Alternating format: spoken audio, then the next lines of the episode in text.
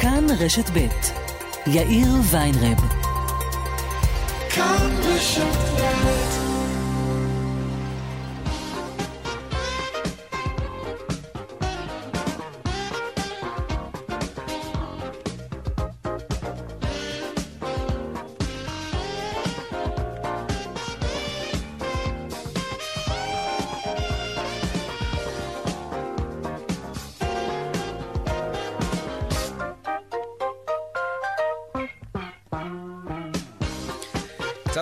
קצת אחרי ארבע ועוד שש דקות, כאן צבע הכסף ברשת ב', יום שני, שלום רב לכם, העורך רונן פולק, המפיקה היום היא הילה פניני, טכנה השידור שלנו הוא אילן אזולאי.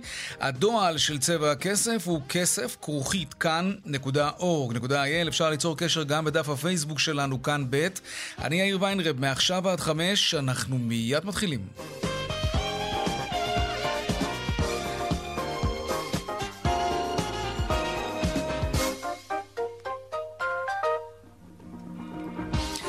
פותחים בחותרות צבע הכסף ליום שני. דוח מבקר המדינה שהתפרסם בצהריים מצביע על ליקויים חמורים במערכת החינוך שכשלה בהקניית מיומנויות נחוצות למאה ה-21. במילים אחרות, אנחנו תקועים במאה שעברה. זה בעבור תלמידי ישראל. יותר ממחצית מתוכניות הלימודים לא עודכנו כבר יותר מעשר שנים, כותב המבקר, ומשרד החינוך לא מצליח לספק לתלמידים את הכלים להצלחה בשוק העבודה העתידי. מבקר המדינה מתניהו אנגלמן אומר כי הליקויים בולטים במיוחד בנוגע לחברה החרדית והחברה הערבית. חשיבות הביקורת נמכרת במיוחד בעת הזו, בצל מגפת הקורונה, בעקבות ההשפעות המשמעותיות של המגפה על צורכי אזרחי המדינה במגוון תחומים. המשבר התעסוקתי הנלווה למגפת הקורונה מחדד את החשיבות בהשקעה בהון האנושי של עובדים קיימים, של מחוסרי עבודה ושל עובדים עתידיים, לשם הגברת המסוגלות התעסוקתית במציאות משתנה. הדבר נכון במיוחד לאוכלוסיות בחברה הישראלית שהן מעוטות אמצעים ומיומנויות. ולכך ניתן דגש מיוחד בדוחות אלו. כן, צריך רק לציין ולהדגיש שהדוח הזה נכתב עוד לפני משבר קורונה, אז אפשר רק לדמיין איך זה נראה במהלך השנה האחרונה, בעיצומו של המשבר. אנחנו עוד מעט נרחיב בעניין הזה, נדבר כאן עם כותב הדוח ממשרד מבקר המדינה.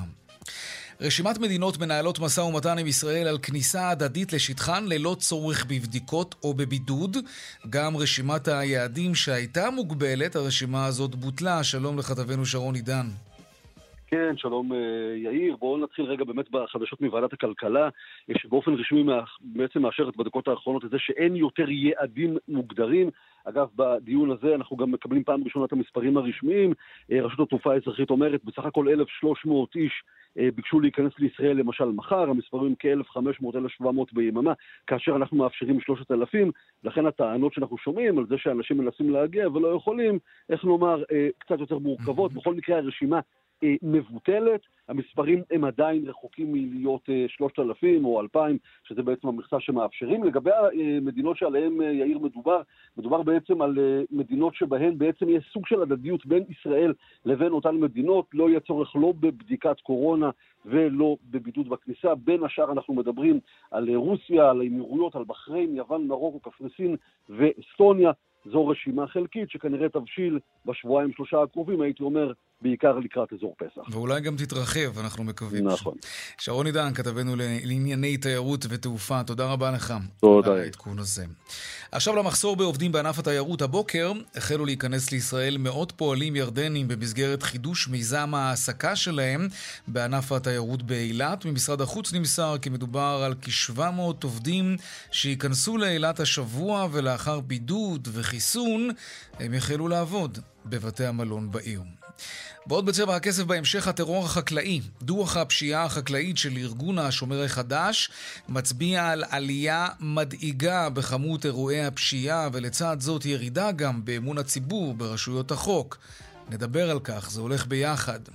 וגם ביטול מגבלת הפריים על המשכנתאות. ועדת הכלכלה דנה היום בנושא בעקבות התלונות שהבנקים לא מגלגלים את ההטבה הזאת לצרכן.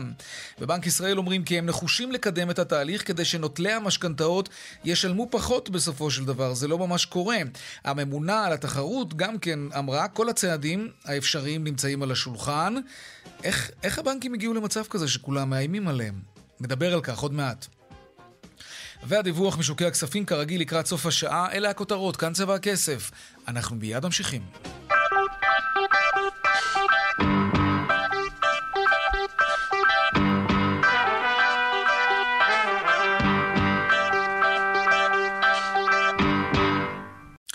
פותחים עם אה, דוח מבקר המדינה, מערכת החינוך תקועה עם מיומנויות מהמאה הקודמת. זה מה שאומר המבקר, מתניהו אנגלמן.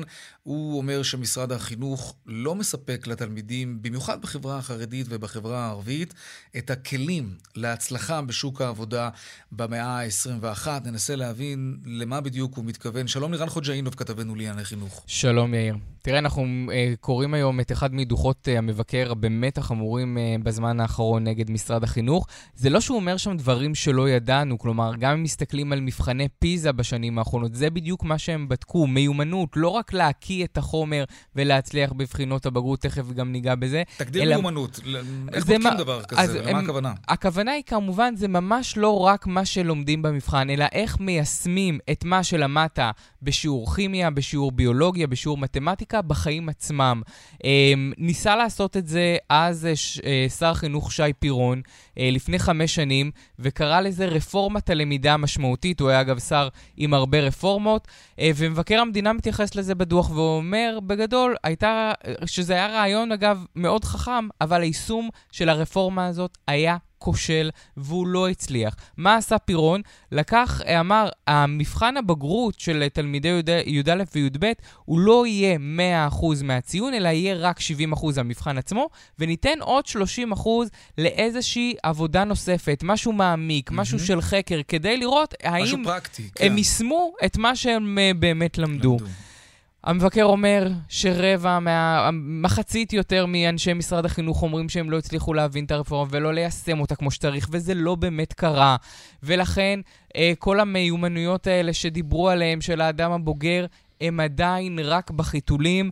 אה, ואנחנו רואים את זה גם במבחני פיזה שבודקים בדיוק אותו דבר. הם לא בודקים עד כמה אתה יודע לשנן את החומר וללמוד אותו בעל פה, אלא הם בודקים, הם בודקים עד כמה אתה יודע ליישם אותו. במדינת ישראל בשנים האחרונות במבחני פיזה מצטיינת, כרגיל, בפערים הגדולים, וגם אותם מציין המבקר. האוכלוסיות החלשות, כרגיל, בתחתית, האוכלוסיות החל... החזקות, בעיקר המגזר היהודי הממלכתי, נמצאים למעלה, החרדים והערבים כרגיל, בתחתית הטבלה, וזה מאוד מאוד עלול להשפיע על שוק העבודה העתידי, ולזה מתייחס הדוח. אמ, הוא אומר בגדול, הכותרת שלו, תלמידי ישראל של היום, מערכת החינוך לא מכינה אותם בצורה המיטבית לשוק העבודה העתידי. ואם uh, מסתכלים על נקודות האור החיוביות, אה, כיתות, בניית כיתות M21. אני מוכרח להגיד לך, אני ראיתי מה זה, זה ממש בנו בצורה של אה, ארכיטקטורה אחרת. כיתות שלא נראות אותו דבר, לא רק מורה שעומדת מול הלוח וכיסאות, אלא בנו את זה אחרת וגם שיטת הלמידה הייתה אחרת. זה מורה שנכנסת לכיתה, נותנת להם הקנייה, מדברת איתם עשר דקות, ואז הם לומדים לבד. ועושים את זה לבד, וכל אחד נמצא בפינה חשוב, אחרת. זה גם חשוב, כן. לדעת נכון. ללמוד לבד. ואת זה הם עושים, אבל ממש פסיק, אחוז mm-hmm. וחצי מהכיתות בישראל הם כיתות כאלה. כלומר, okay. עד אוקיי. שעושים משהו טוב, זה מאוד מאוד קטן. ועוד מילה אחת, הקורונה הצילה כאן את מערכת החינוך בשני דברים. קודם כל מדבר המבקר על עניין התשתיות והתקשוב והמחשבים. היינו במצב על הפנים. מה שלא היה קיים לפני לא קורונה. לא היה קיים ואף אחד עוד לא דיבר על זה.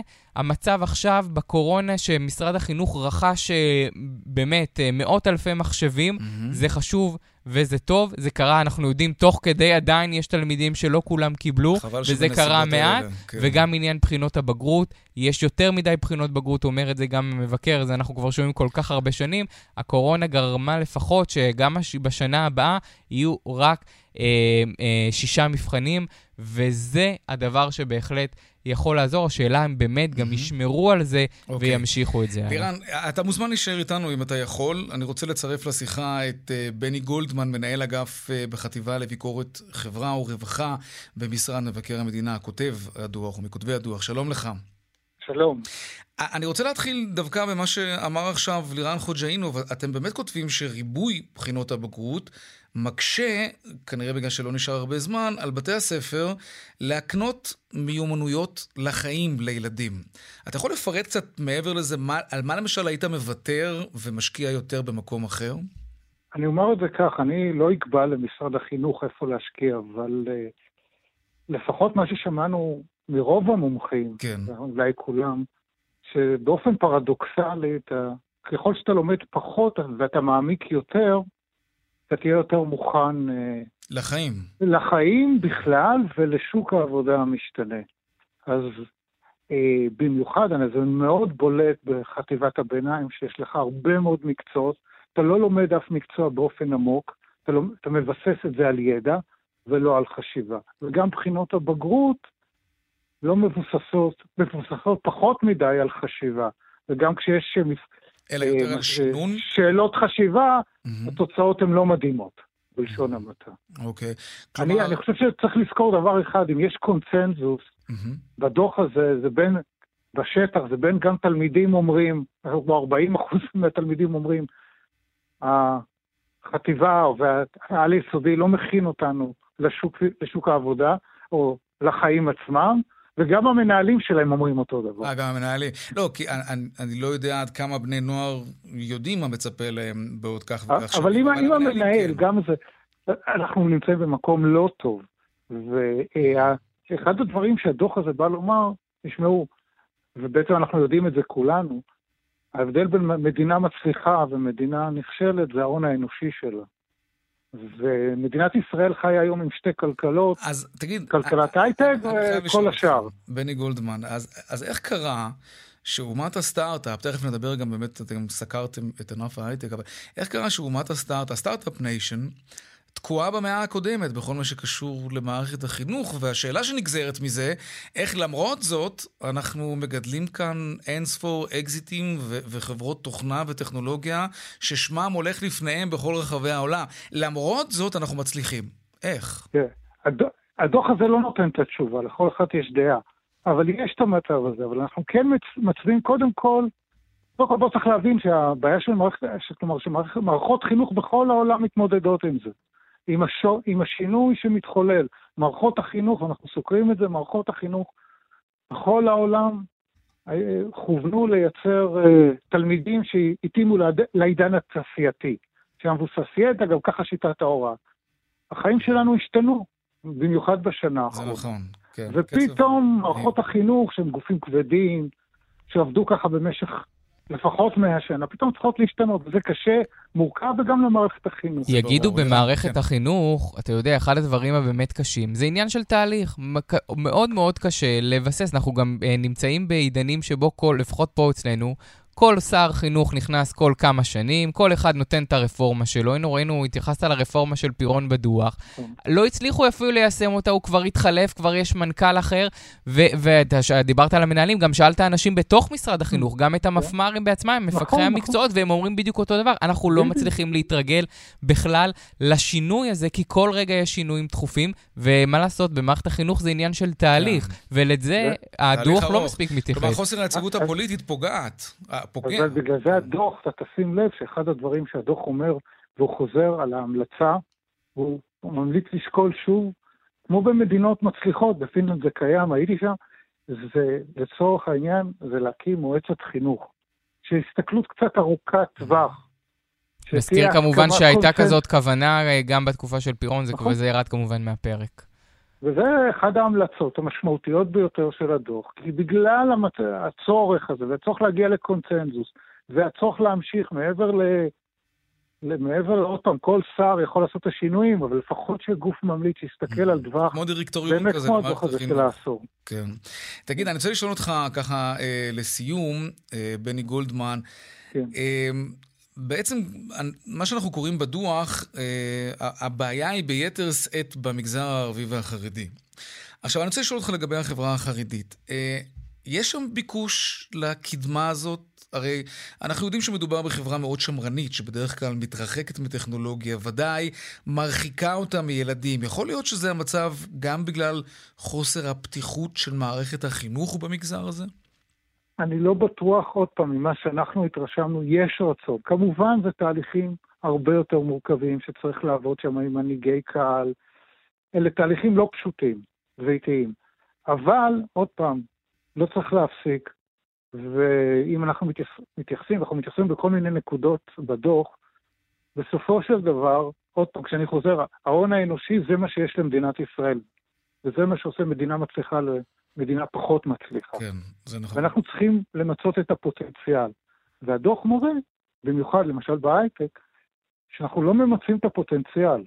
נכון, אנחנו מצליחים, אני חוזר לשאלה ששאלת אותי, איך אנחנו מצליחים, כן, הצלחנו, אבל אם אנחנו, אנחנו בתשעה אחוז מהמועסקים, 9.2 אה, מועסקים בענף, אבל אם אתה רוצה להגיע ל-12 ו-13 אחוז מהמועסקים, אתה צריך להגיע לאוכלוסיות כן. שאתה לא מגיע אליהן. נכון. ונמצאים שם ילדים ואנשים מאוד מוכשרים. פשוט לא מגיעים אליהם. בני גולדמן, מנהל אגף בחטיבה לביקורת אה, חברה ורווחה במשרד מבקר המדינה, תודה רבה לך על השיחה הזאת. תודה. לירן חוג'אינוב, כתבנו לענייני חינוך, תודה רבה גם לך. תודה.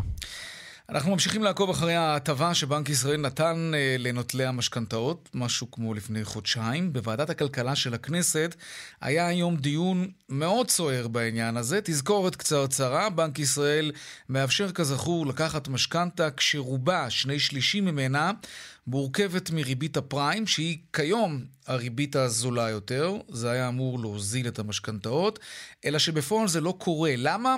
כי הבנקים עיקרו את הריבית הזאת ובעצם מנעו את ההטבה הזאת לציבור. בדיון בוועדת הכלכלה היום אפילו היו איומים מפורשים יותר או מפורשים פחות, אבל איימו על הבנקים. שלום איתן מדמון, מנכ"ל איגוד הבנקים. אחר צהריים טובים. ושלום גם לחבר הכנסת שלמה קרעי, הליכוד, יוזם הדיון בוועדת הכלכלה. שלום לשניכם. שלום, צהריים טובים. נתחיל איתך, איתן מדמון. תראה, סגנית המפקח על הבנקים אומרת היום בדיון, בנק ישראל עומד על כך שהציבור ישלם פחות, והוא שוקל, כן, הפיקוח על הבנקים, שוקל צעדים מולכם. גם הממונה על התחרות אומרת, כל הצעדים האפשריים על השולחן. איך הגעתם למצב כזה שכולם מאיימים עליכם, תגיד, איתן? אני חושב שהפרסום שה, המוקדם ובלי הבנה אה, מאוד מעמיקה של כל ההשלכות וכל ההיבטים וכל הוקטורים השונים שקשורים למהלך הזה, יצר איזושהי דיסאינפורמציה מסוימת, גם במידע וגם במה שתוקשר כלפי חוץ, וגם, כמו תמיד, פער ציפיות אה, מאוד משמעותי במקרה הזה. אה, וזה בסופו של דבר מוביל אותנו למצב שבו יש איזושהי טרוניה אה, מאוד משמעותית שמוצפת גם על ידי הציבור וגם אה, על ידי המחוקק. אוקיי, אז בוא, בוא נרד לרזולוציה קצת יותר צפופה. מה אתה בעצם אומר? ההטבה הזאת כן התגלגלה לציבור? היום כשמישהו לוקח משכנתה, הוא אכן לוקח את ההלוואה הגדולה ביותר בחיים שהוא ייקח אי פעם, ככל הנראה אצל רובנו, הוא לוקח אותה בתנאים יותר טובים ממה שהיה לפני חודשיים? זה מה שאתה אומר. קודם כל, אני רוצה קודם כל לשנות את הטרמינולוגיה, כי קודם כל לא מדובר פה על הטבה, מדובר פה על שינוי. נעשה פה איזשהו שינוי רגולטורי שבא ואמר, בניגוד למה שהיה אה, אה, נתון לרגולציה ב, אה, עד השינוי האחרון, היה ניתן לקחת רק חלק של שליש ממשכנתה בריבית הפריים. והשינוי הנוכחי היה, השינוי. הנוכחי היה שאפשר להגדיל את החלק, את מרכיב הפריים, שהוא המרכיב הזול ביותר במשכנתה, נכון. לשני שליש מהיקף המשכנתה. רוב המשכנתה בריבית זולה יותר. וההנחה הייתה, נכון, וההנחה הייתה, ההנחה הייתה שכיוון שמרכיב הפריים הוא המרכיב הזול ביותר במשכנתה, כתוצאה מזה אה, תיווצר איזושהי הטבה מאוד משמעותית אה, ללקוח אה, ברמת התשלום החודשי שלו. אבל זה לא מדויק. למה זה לא מדויק?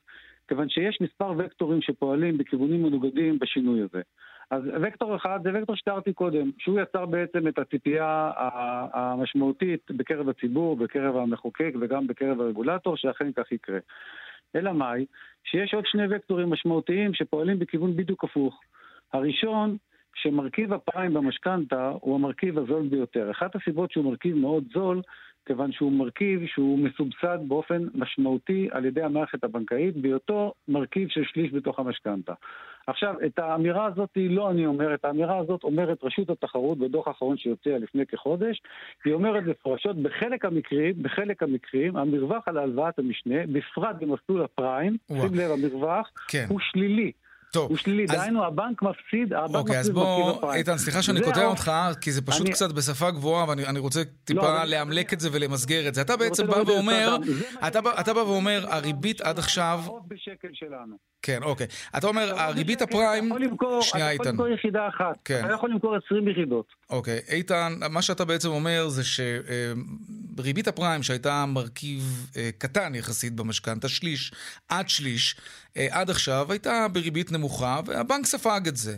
עכשיו, כשזה הופך להיות המרכיב העיקרי של המשכנתה, בנק זה עסק, והוא צריך כמובן להגן על עצמו.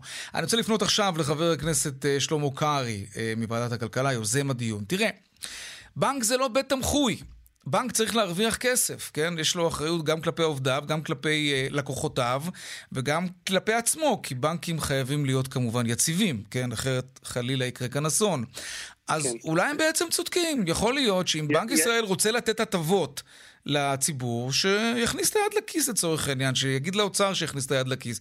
למה לבקש מהבנקים שהם יהיו נדבנים? יאיר, אה, אף אחד לא מבקש מהבנקים להיות נדבנים. הרי בוא תסכים איתי גם ידידי המלומד שהבנקים לא מפסידים על הלוואות שנלקחו ב-100% פריים לפני עשור ולפני 15 שנה ולפני 12 שנה. אני, אנשים לקחו משכנתאות ב-100% פריים ובפריים מינוס אחת. אז מה, הבנקים לא מרוויחים? הם מרוויחים, הם מרוויחים פחות. מה שהמחוקק עשה כאן, מה שאנחנו יזמנו, אני יזמתי באופן אישי, אני כבר שנים ארוכות מדבר על זה, כולל עוד דברים בשוק המשכנתאות. שזה ביטול עמלת פירעון מוקדם הדרקונית וה, והמיושנת שלא צריכה להיות כבר, והמפקח על הבנקים הבין את זה, יאיר אבידן אמר נכון, יש כאן איזושהי פטרוניות שלקחנו לפני עשור ביוני 2011 וצריך להסיר לפחות חלק מזה. הוא הסיר ונתן אפשרות לשני שליש פריים. עכשיו, הבנק, מה קרה כאן? הוקטור העיקרי שאותו לא הזכיר ידידי המלומד, זה הוקטור שהבנקים רוצים את אותו כסף. למרות שחלק מהסיכון כאן מבחינת עליית הריבית ותשלום חודשי יותר גבוה מושת כאן למעשה על הלקוח כשהוא בוחר לקחת יותר בפריים. צריך גם לומר שהסיכון הוא לא כזה גדול, כן? משכנתה זה הלוואה בטוחה מבחינת הבנק, כן? זה המשמעות של לא, לא. משכנתה. זה ודאי, כן. לא, מבחינת הסיכון הזה אתה צודק במאה אחוז. אין כאן, אין כמעט תיקים של הוצאה לפועל בתשלומי משכנתה, ויש בטוחה של נכס דלה ניידה, נכון, נכון. והכל, הסיכון כן. הזה הוא, הוא שואף לאפס. אני מדבר על הסיכון בעליית הריבית, ואז הלקוח יצטרך לשלם יותר, הרי לא משנה באיזה מסלול אתה תיקח את נכון. המשכנתה שלך. זה מסוכן באמת, כי הריבית גם, יכולה פתאום לעלות. לא, אבל הבנק צופה את זה, וגם כן. היום, גם מה שהיה עד היום שלקחת בשליש פריים, הבנק חישב לעצמו מה יהיה אם הריבית תעלה ל-4-5 אחוז, בוא נבדוק שהלקוח יוכל לעמוד בתשלומים האלה. אין סיכון לבנק מבחינת ההחזר, מבחינת התקבולים שהוא יקבל. הסיכון כאן של הגידול בהחזר עובר למעשה ללקוח, ובמקום שהוא ייהנה מהריבית השואפת לאפס הזו, בתחרות שפתחנו כאן, תבין, גם עשינו את זה בשאלה, בתקופה כזו של קורונה, שבה אנשים באמת קשה להם, אנשים בקושי סוגרים את החודש, דוחים נכון, תשלומי משכנתאות. זה נכון ולזה זה נועד, אבל חבר הכנסת קרעי, אנחנו, אנחנו דנים בעניין הזה והתמונה היא ברורה והטיעונים שלכם הם ברורים, ובאמת כל הכבוד על הדיון הזה היום בוועדת הכלכלה. ואני אגיד לך מה מעניין את הציבור. מה אתם כמחוקקים, חוץ מלדבר על זה, שזה בסדר, יכולים לעשות? כשהמפקח על הבנקים, סגנית המפקח על הבנקים היום אומרת, אה, יש לנו כמה צעדים שאנחנו יכולים לקדם. הממונה על התחרות אומרת, כל הצעדים נמצאים על השולחן. מה אפשר לעשות? איך אפשר לחייב יש, בנקים? יש, כן. יש, יש הרבה uh, כלים שיכולים להגביר את התחרות, להכניס לבנקים, אמרתי היום בדיון, להכניס להם את התחרות בין העיניים. יש את ועדת הטייקונים. מה זה אומר? יש למשל את ועדת הטייקונים שקמה, כן. שאיתן כבל, יש, יש לה המלצות מאוד מפורטות, להקים ועדת פיקוח עם שיניים שתוכל לבקש מידע. למשל, אם אתה כלקוח תדע כמה הבנק באמת מרוויח עליך, על ההלוואה שלך, מהם העלויות הגיוס האמיתיות שלו.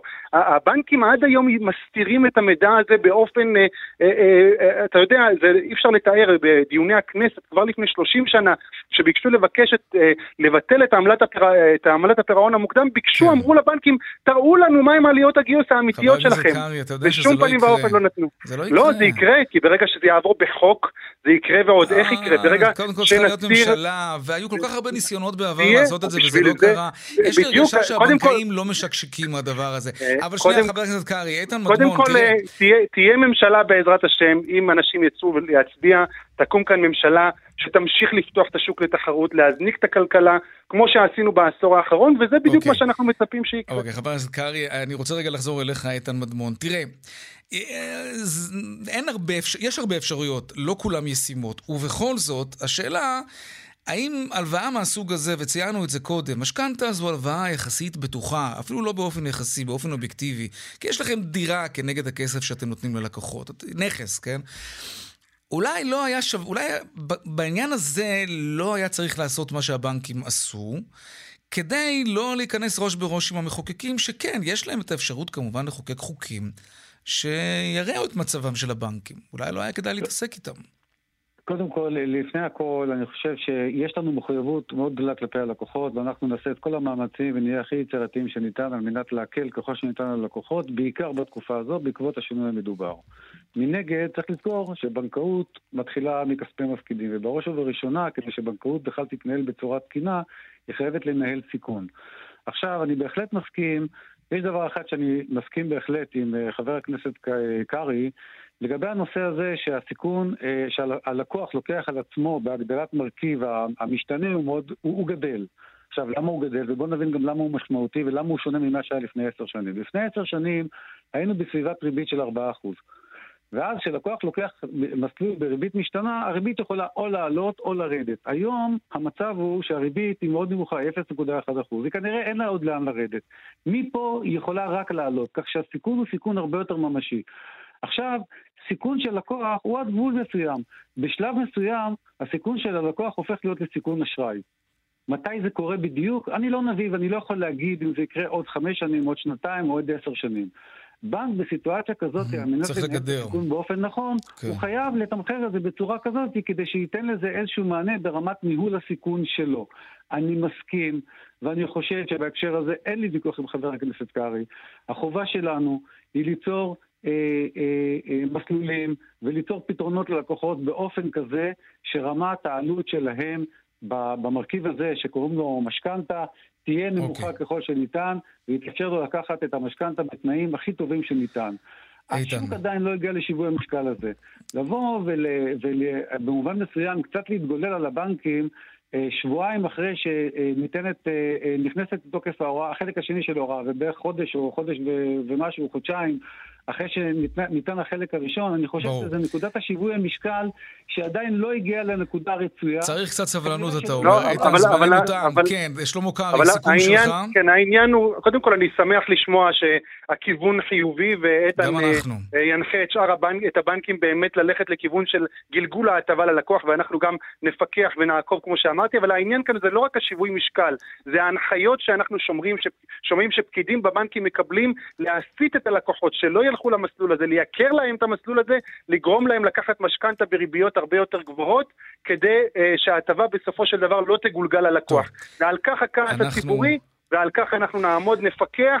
ונדאג שהשוק ייפתח לתחרות אמיתית כמו שאנחנו רוצים. אנחנו נמשיך לעקוב אחרי הסיפור הזה. תודה רבה לכם. איתן מדמון, מנכ"ל איגוד הבנקים, וחבר הכנסת אה, דוקטור שלמה קרעי, יוזם הדיון היום בוועדת הכלכלה. תודה רבה גם לך. תודה רבה. דיווחי תנועה עכשיו. דרך תל אביב-אשדוד נחסמה לתנועה במחלף גן רווה בגלל תאונת דרכים קטלנית. סעו בזהירות. באלון דרומה יש עומס ממחלף רוקח עד לגוארדיה ולכיוון אה, צפון ממחלף חולון וקיבוץ גלויות עד גלילות.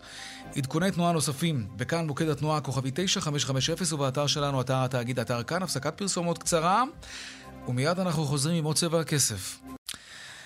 כמעט 40 אה, דקות אחרי השעה 4, עיריית חיפה הקימה מיזם לתמיכה בעסקים מקומיים, יעני עניי עירך הקודמים אם תרצו, והיא מעודדת את החיפנים לרכוש בעיר. זה לא סתם לקרוא לציבור לעשות את זה, מדובר גם אפילו בתמריצים כדי שזה יקרה. שלום חן ביאר, כתבנו בחיפה, על מה מדובר?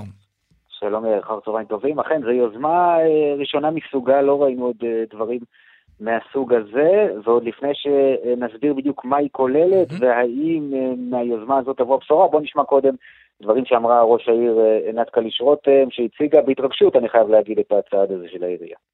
עיריית חיפה היא הרשות הראשונה בארץ שתעודד תושבים באופן אקטיבי לרכוש בעסקים מקומיים על ידי יצירת מנגנון להחזר כספי. התחיל במחשבות אה, איך אפשר לעזור לעסקים הקטנים עוד לפני הקורונה, אבל ברור לגמרי שעכשיו זה צו השעה.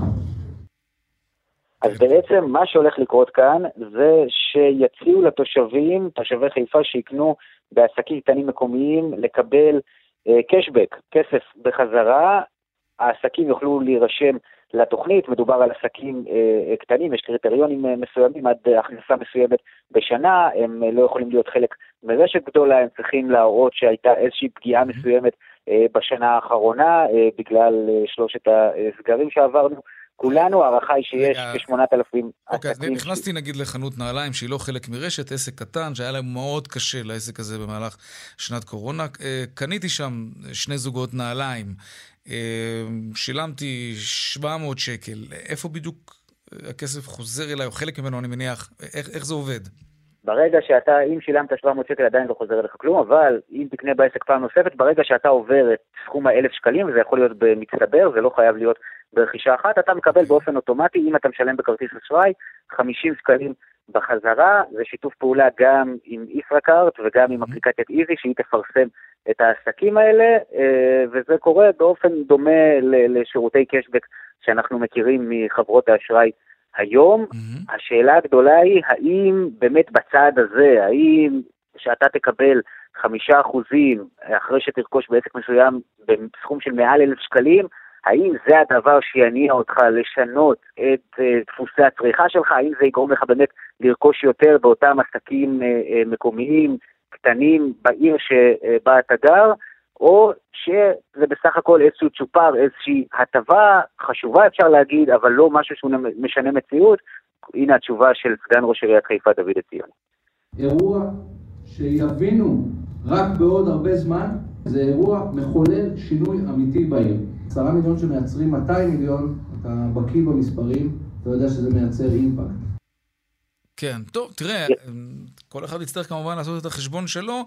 יש בזה משהו מעודד, אם אתה רוצה לקבל קצת כסף חזרה, אבל אני חושב שבשורה התחתונה אנשים מסתכלים על תווית המחיר, אתה יודע. הם ייכנסו לעסקים האלה, ואם הם ירגישו שהמחירים הם הוגנים, אז הם יקנו שם, אבל אם למשל הם ירגישו שהמחירים מנופחים כלפי מעלה, וגם זה יכול לקרות, אז... אז זה לא יספיק. אז זה לא יספיק. זה בהכרח נכון, תראה, יש פה, העסקים בוודאי גם ישמחו לקבל את, את הפרסום, ו, ויש כאן אה, עוד ערך מוסף מבחינתם, אז לעסקים זה בוודאי יתרום, mm-hmm. התושבים ישמחו בצ'ופר, אבל בסוף גם השירות הזה הוא לא בא הרי בחינם, זה עולה כסף, ועיריית חיפה מתכוונת להשקיע כאן עשרה מיליון שקלים מהתקציב שלה, העירוני, של משלמי המיסים, בשלוש שנים. זה לא סכום בלתי מבוטל, אה, וזה לא סכום קטן לרשות מקומית, גם רשות מקומית גדולה כמו עיריית חיפה. הם אומרים שהעשרה מיליון שקלים האלה בחישובים שלהם יניעו עוד תהליך, ובסוף הרווח אה, לציבור יהיה רווח שאפשר להעריך אותו ב-200 מיליון שקלים. האם אה, זה אכן מה שהולך לקרות או לא, אה, אנחנו נצטרך לחכות ולראות. אני מודה שאני קצת בספק האם היוזמה הזאת היא, היא יוזמה מספיקה, אבל אה, כן צריך אה, להגיד כאן מילה טובה על החשיבה מחוץ לקופסה ועל הניסיון לעשות משהו, ואנחנו נקווה שאני טועה ושזה אכן יצליח. מאה אחוז. אה, חן ביאר, כתבנו אה, בחיפה, תודה רבה על הסיפור הזה משם.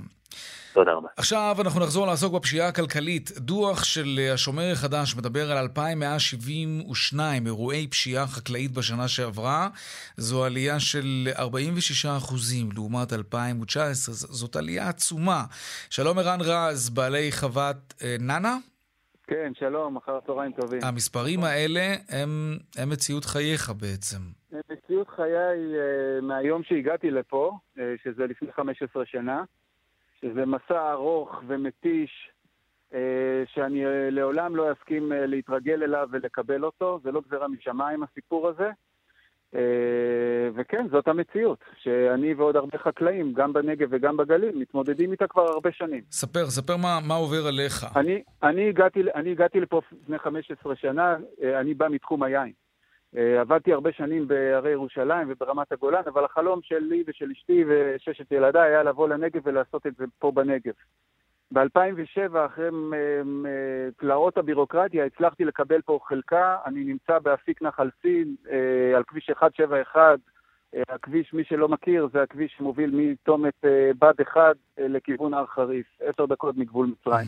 אוקיי. עליתי לקרקע ב-2007, מה שלא ידעתי, אה, שאני נוטע את הכרם שלי על ציר ההברחות הראשי אה, מגבול אה. סיני, מצרים. אז מה זה אומר? בוא תתאר לנו את, ה, את, את החיים בצל הפשיעה הכלכלית הזאת. מה המשמעות של זה? כן. המציאות היא שאתה בא בבוקר ל- ל- לחלקה שלך, שזה גם העסק שלך, שאתה, שאתה חי ומתפרנס ממנו, ואתה לא יודע למה לצפות. אתה לא יודע אם היום גנבו את הברז, או שסתם גנבו עוד גדר, או שסתם עברו בדרך ושברו את אה, מערכת ההשקיה. אתה מדבר על משהו יומיומי? יומי, ואחרי הרבה מאמצים אה, למנוע את הדבר הזה, אה, הצלחנו להפחית את זה ולהוריד את זה, אה, אבל זה, אבל זה כאילו הופך לשגרה, וכאילו אתה אמור להתרגל לזה, אבל אתה לא מתרגל לזה.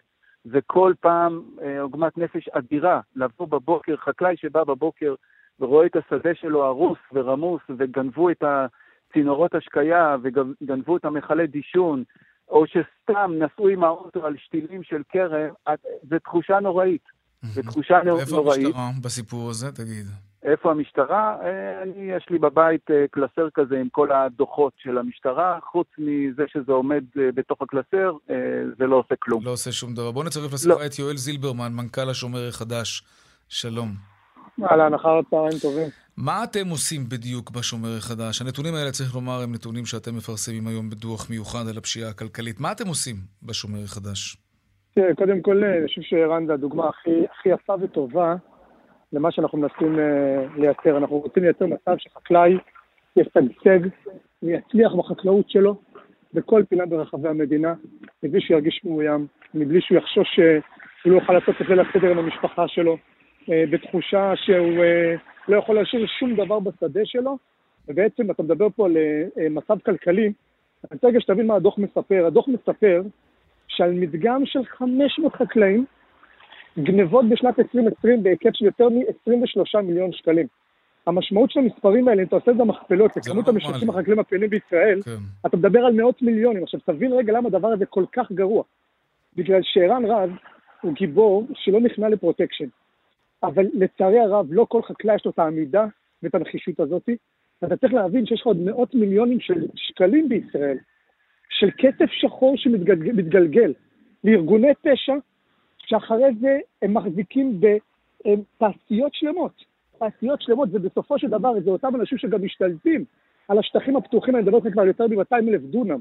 תל אביב ארבע פעמים שהשתלטו עליה ברחבי מדינת ישראל בשטחים חקלאיים, אנשים שניסו לאבד את הקרקע שלהם, גזלו מהם את, ממש את הפרנסה של המשפחה, ולא רק זה, גם השתלטו על אדמות המדינה ומנהלים עסק בשחור על הגב של מדינת ישראל. ואתם כתוכנית כלכלית, שמסתכלים ככה ליום שאחרי הקורונה, יש לך פה בישראל עשרות אלפי חיילים משוחררים למקומות עבודה, שמשוועים לעבוד.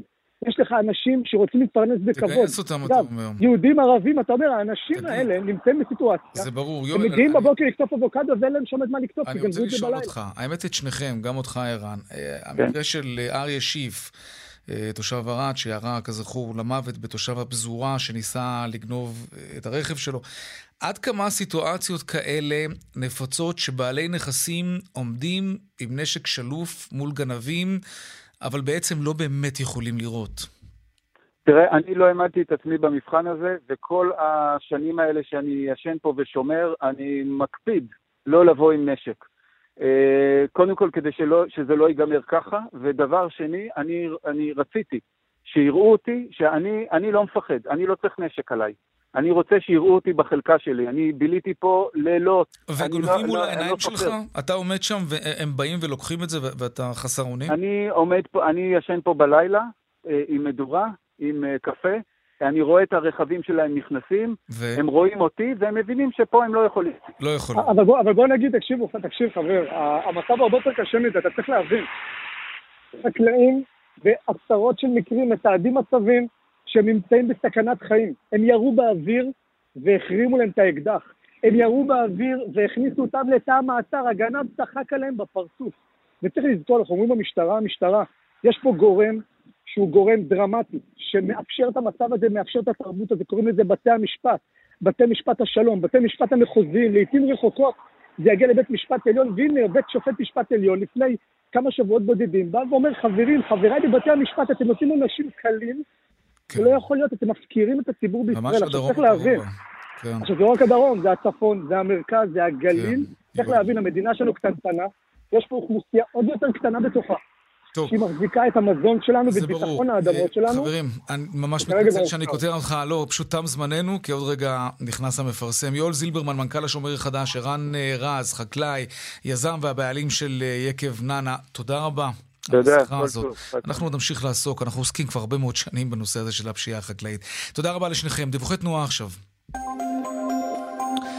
דרך החוף לכיוון צפון יש עומס משפעים לסירוגין עד מכמורת, ובדרך שש צפונה יש עומס ממחלף נשרים עד בן שמן, וממחלף קסם עד מחלף אייל, וממחלף עירון עד יוקנעם עילית. עדכוני תנועה נוספים בכאן מוקד התנועה כוכבי 9550, וגם באתר שלנו, אתר התאגיד, אתר כאן, הפסקת פרסומות, ומיד אנחנו חוזרים עם העדכון משוקי הכספים.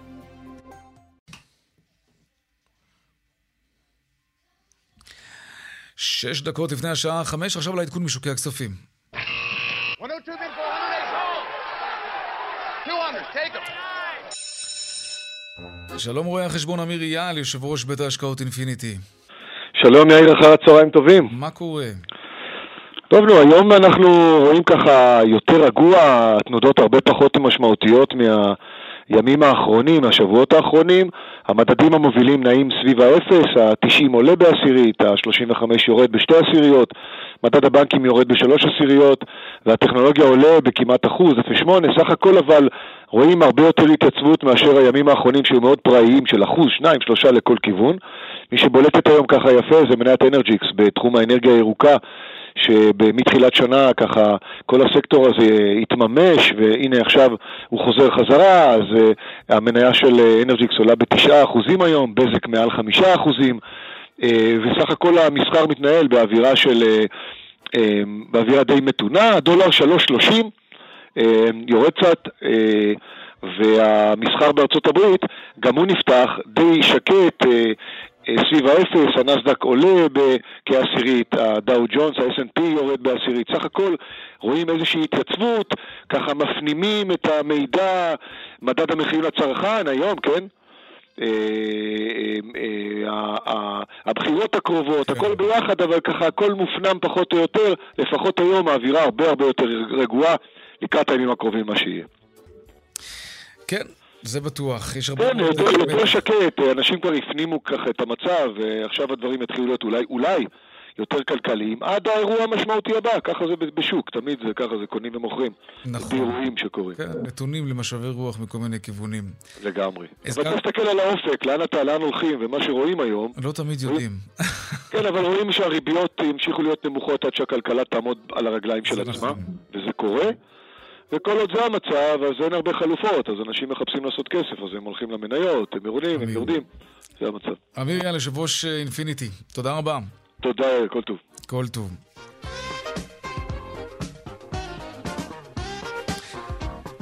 עד כאן צבע הכסף. ליום שני העורך רונן פולק, המפיקה הילה פניני. טכנאי השידור אילן אזולאי, במוקד התנועה אהוד כהן, בדיגיטל אבי אריש. הדואל שלנו כסף כרוכית כאן.org.il. מיד אחרינו שלי וגואטה, אני יאיר ויינדריב. נשתמע כאן שוב מחר בארבעה אחר הצהריים. ערב טוב ושקט שיהיה לנו. שלום שלום.